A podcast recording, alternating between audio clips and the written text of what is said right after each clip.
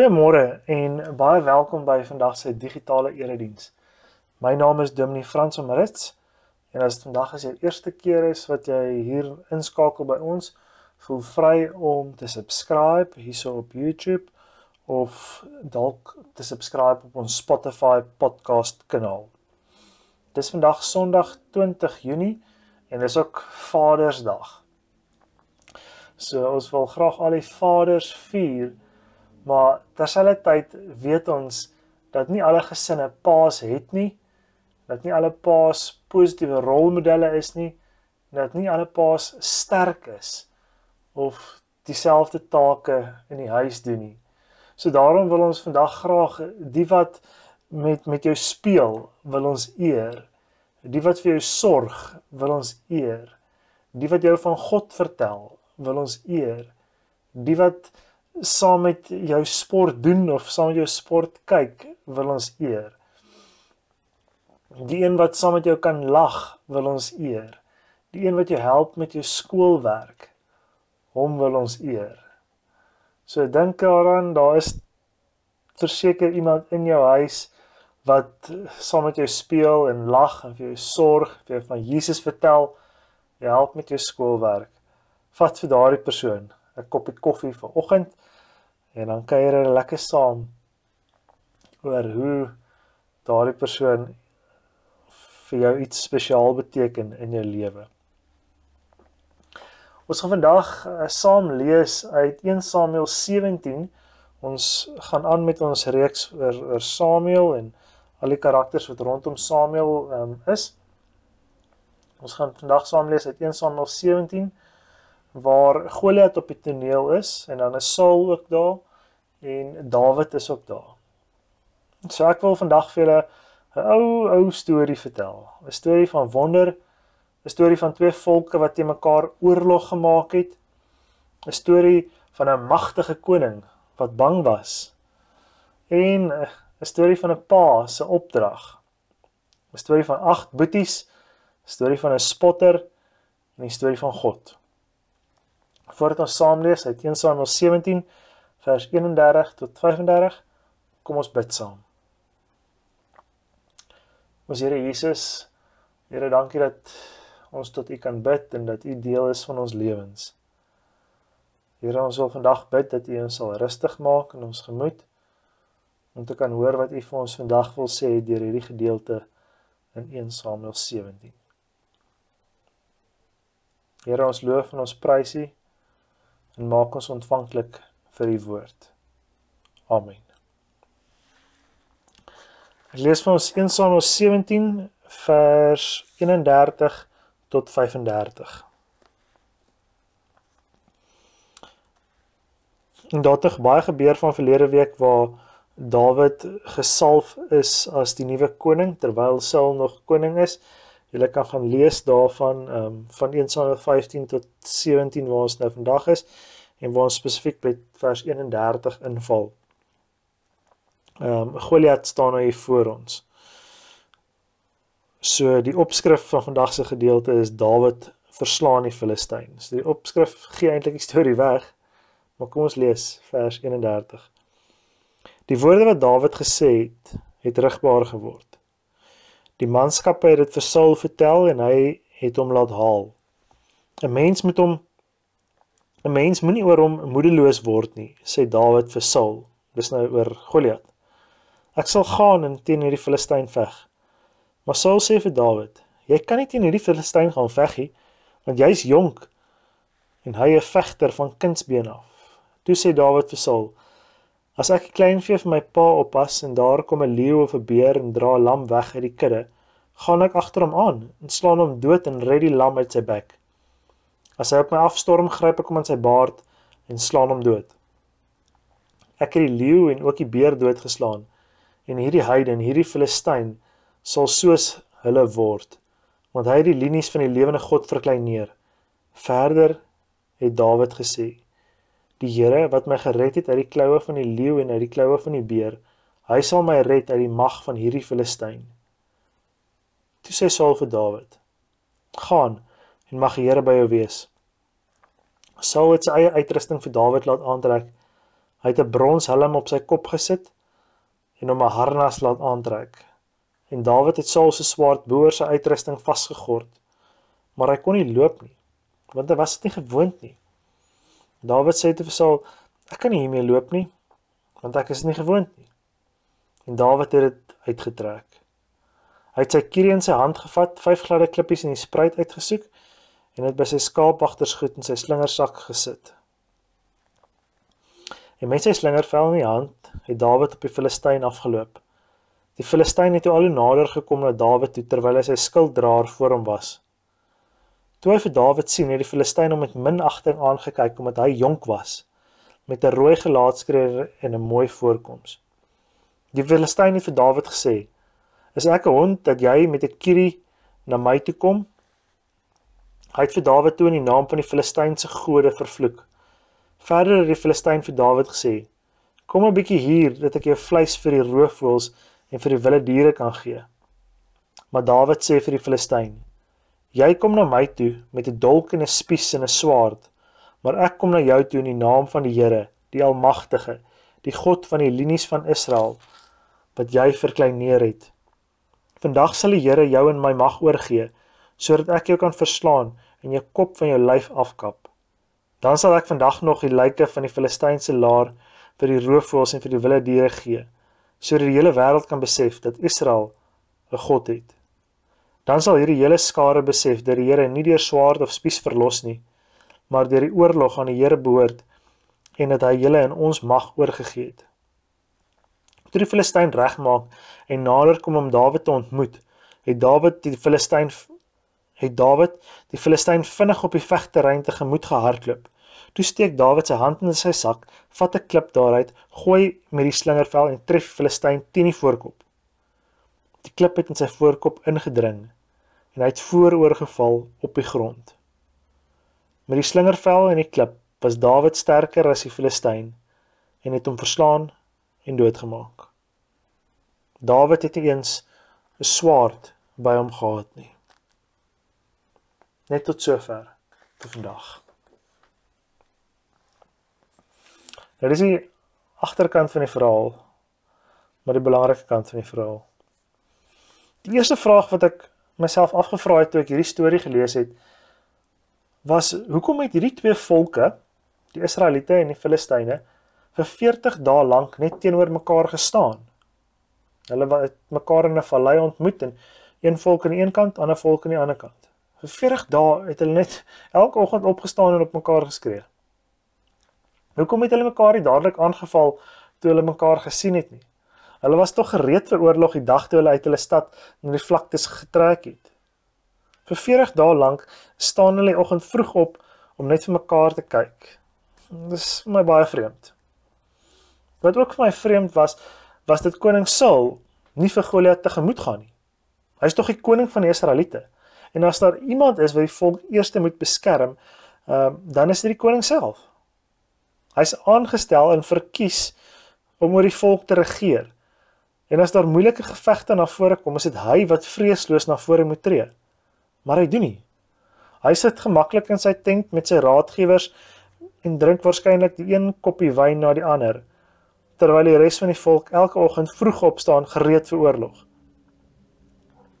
Hy gee ook eers die bevel om die Filistyne aan te vat nie. Hy doen net mooi niks nie. Die koning van Israel is stil. In hierdie 40 dae op die oorlogsveld raak die soldate natuurlik ook honger. Nes ek en jy en hulle het kos nodig. Drie van Isaai die Efratiet uit Bethlehem en Juda se seuns is betrokke by hierdie oorlog Isaia stuur dan sy jongste seun Dawid, die skaapwagter, om sy broers gebraaide koring en brood te vat. Sonder vrae doen Dawid dit dadelik in die volgende oggend. Hy doen dit so vroeg dat hy reeds by die oorlogsveld aankom toe die manne gereed maak om om te veg vir die dag. Om eintlik maar net vir mekaar te kyk heeldag lank oor 'n afstand. Dawid kom aan en los sommer dadelik die kos wat wat hy gebring het vir sy broers by by 'n bode wat sal toesien dat die kos by hulle uitkom.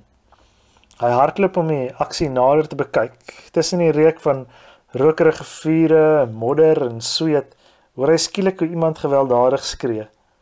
Met daardie aardige geskreeu geluid ontmoet Dawid dan 'n Goliat, 'n reus in die oë van volke. 3 meter lank, 'n bronshelm op sy kop, 'n harnas met skibbe wat 57 kg weeg, bronskerms voor sy bene met 'n spies waarvan die lem 7 kg weeg.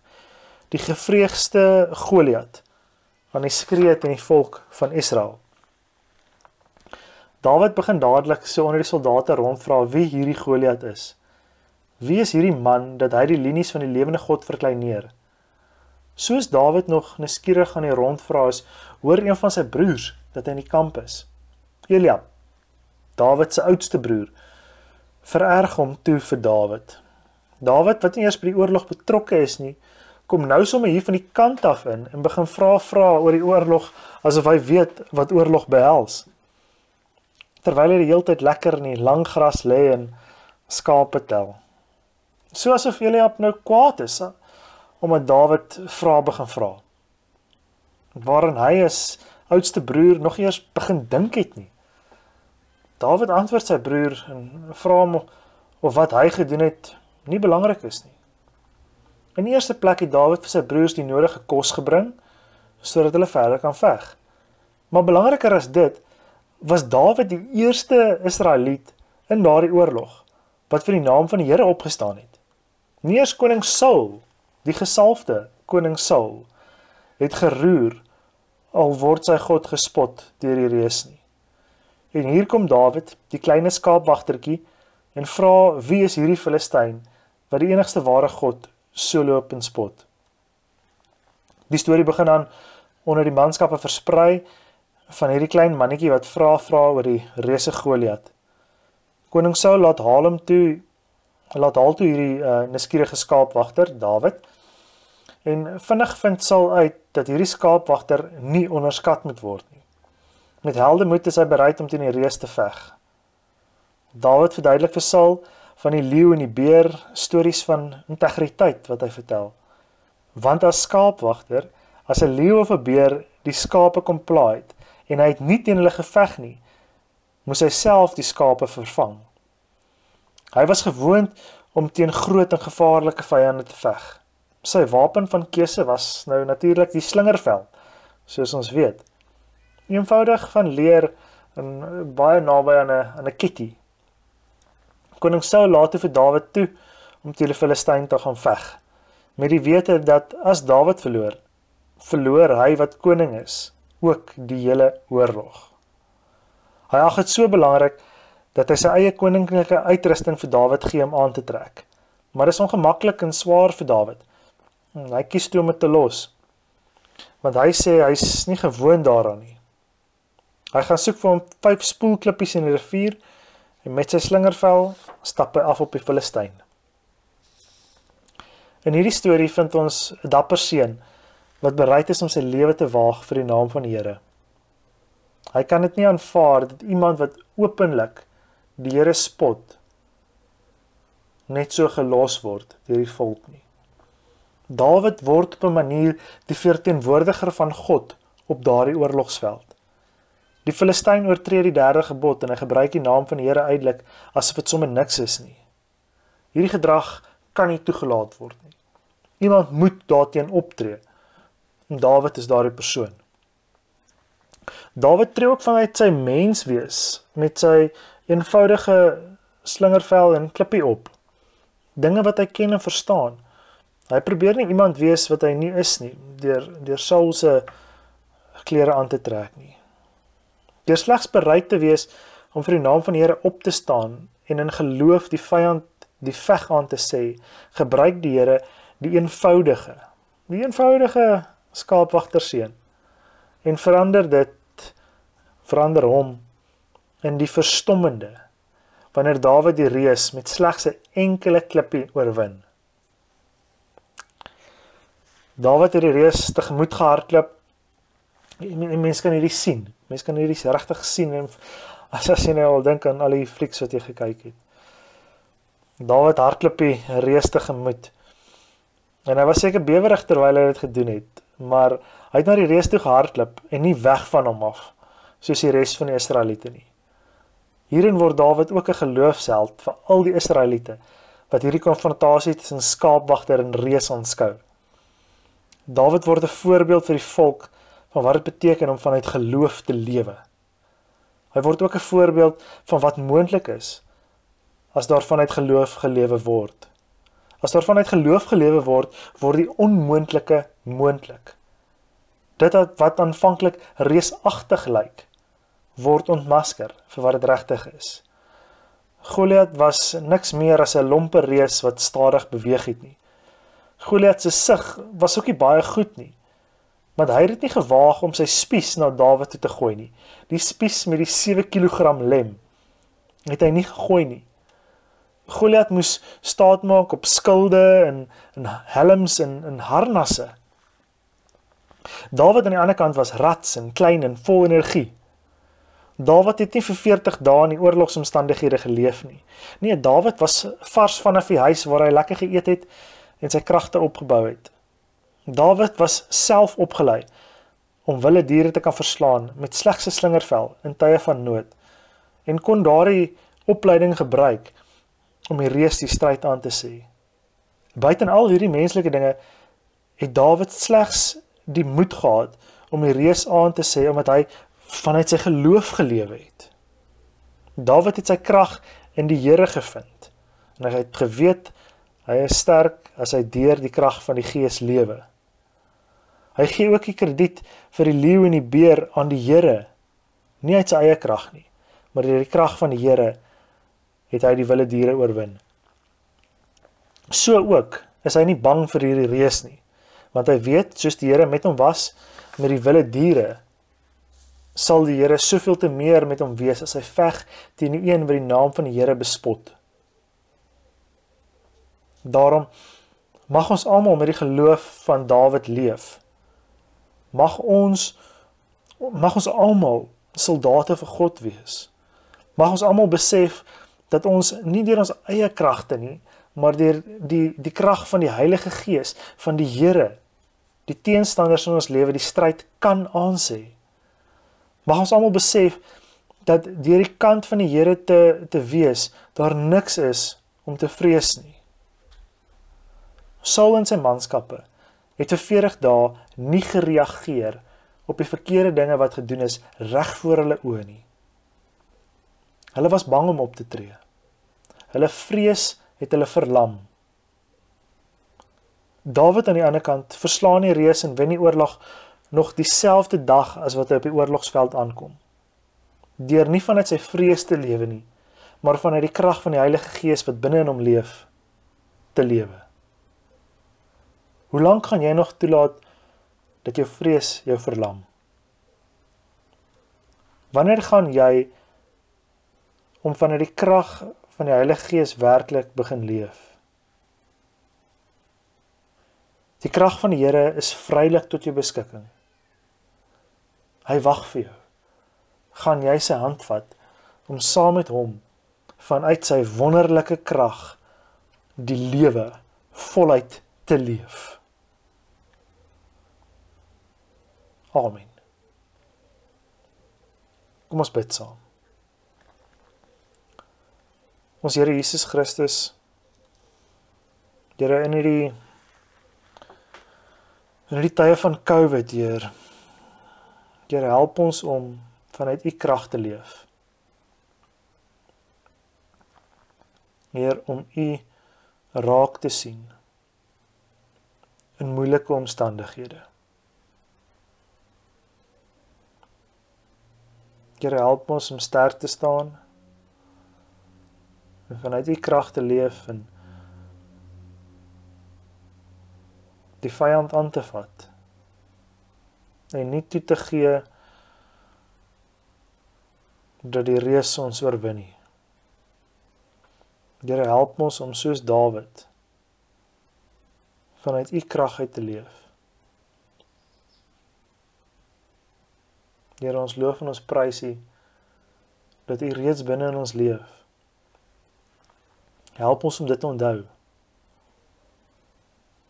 Dat ons deur U kan leef. Amen. 'n pragtige Sondag vir julle elkeen. En onthou om die superheld in jou lewe 'n koppie koffie te maak vir dit wat hy in jou lewe doen. Of hy nou met jou speel of vir jou sorg, vir jou van Jesus vertel, vir jou saam met jou sport doen of kyk, saam met jou kan lag of hy help met jou skoolwerk. Maak vir hom 'n koppie koffie sê vir hom dankie vir dit wat hy vir jou doen. En mag julle elkeen onthou om deur die krag van die Heilige Gees te lewe vir die wil van die Here. Mag die genade van ons Here Jesus Christus, die liefde van God ons Vader en die gemeenskap van die Heilige Gees met jou wees en bly vir ewig en vir altyd. Amen.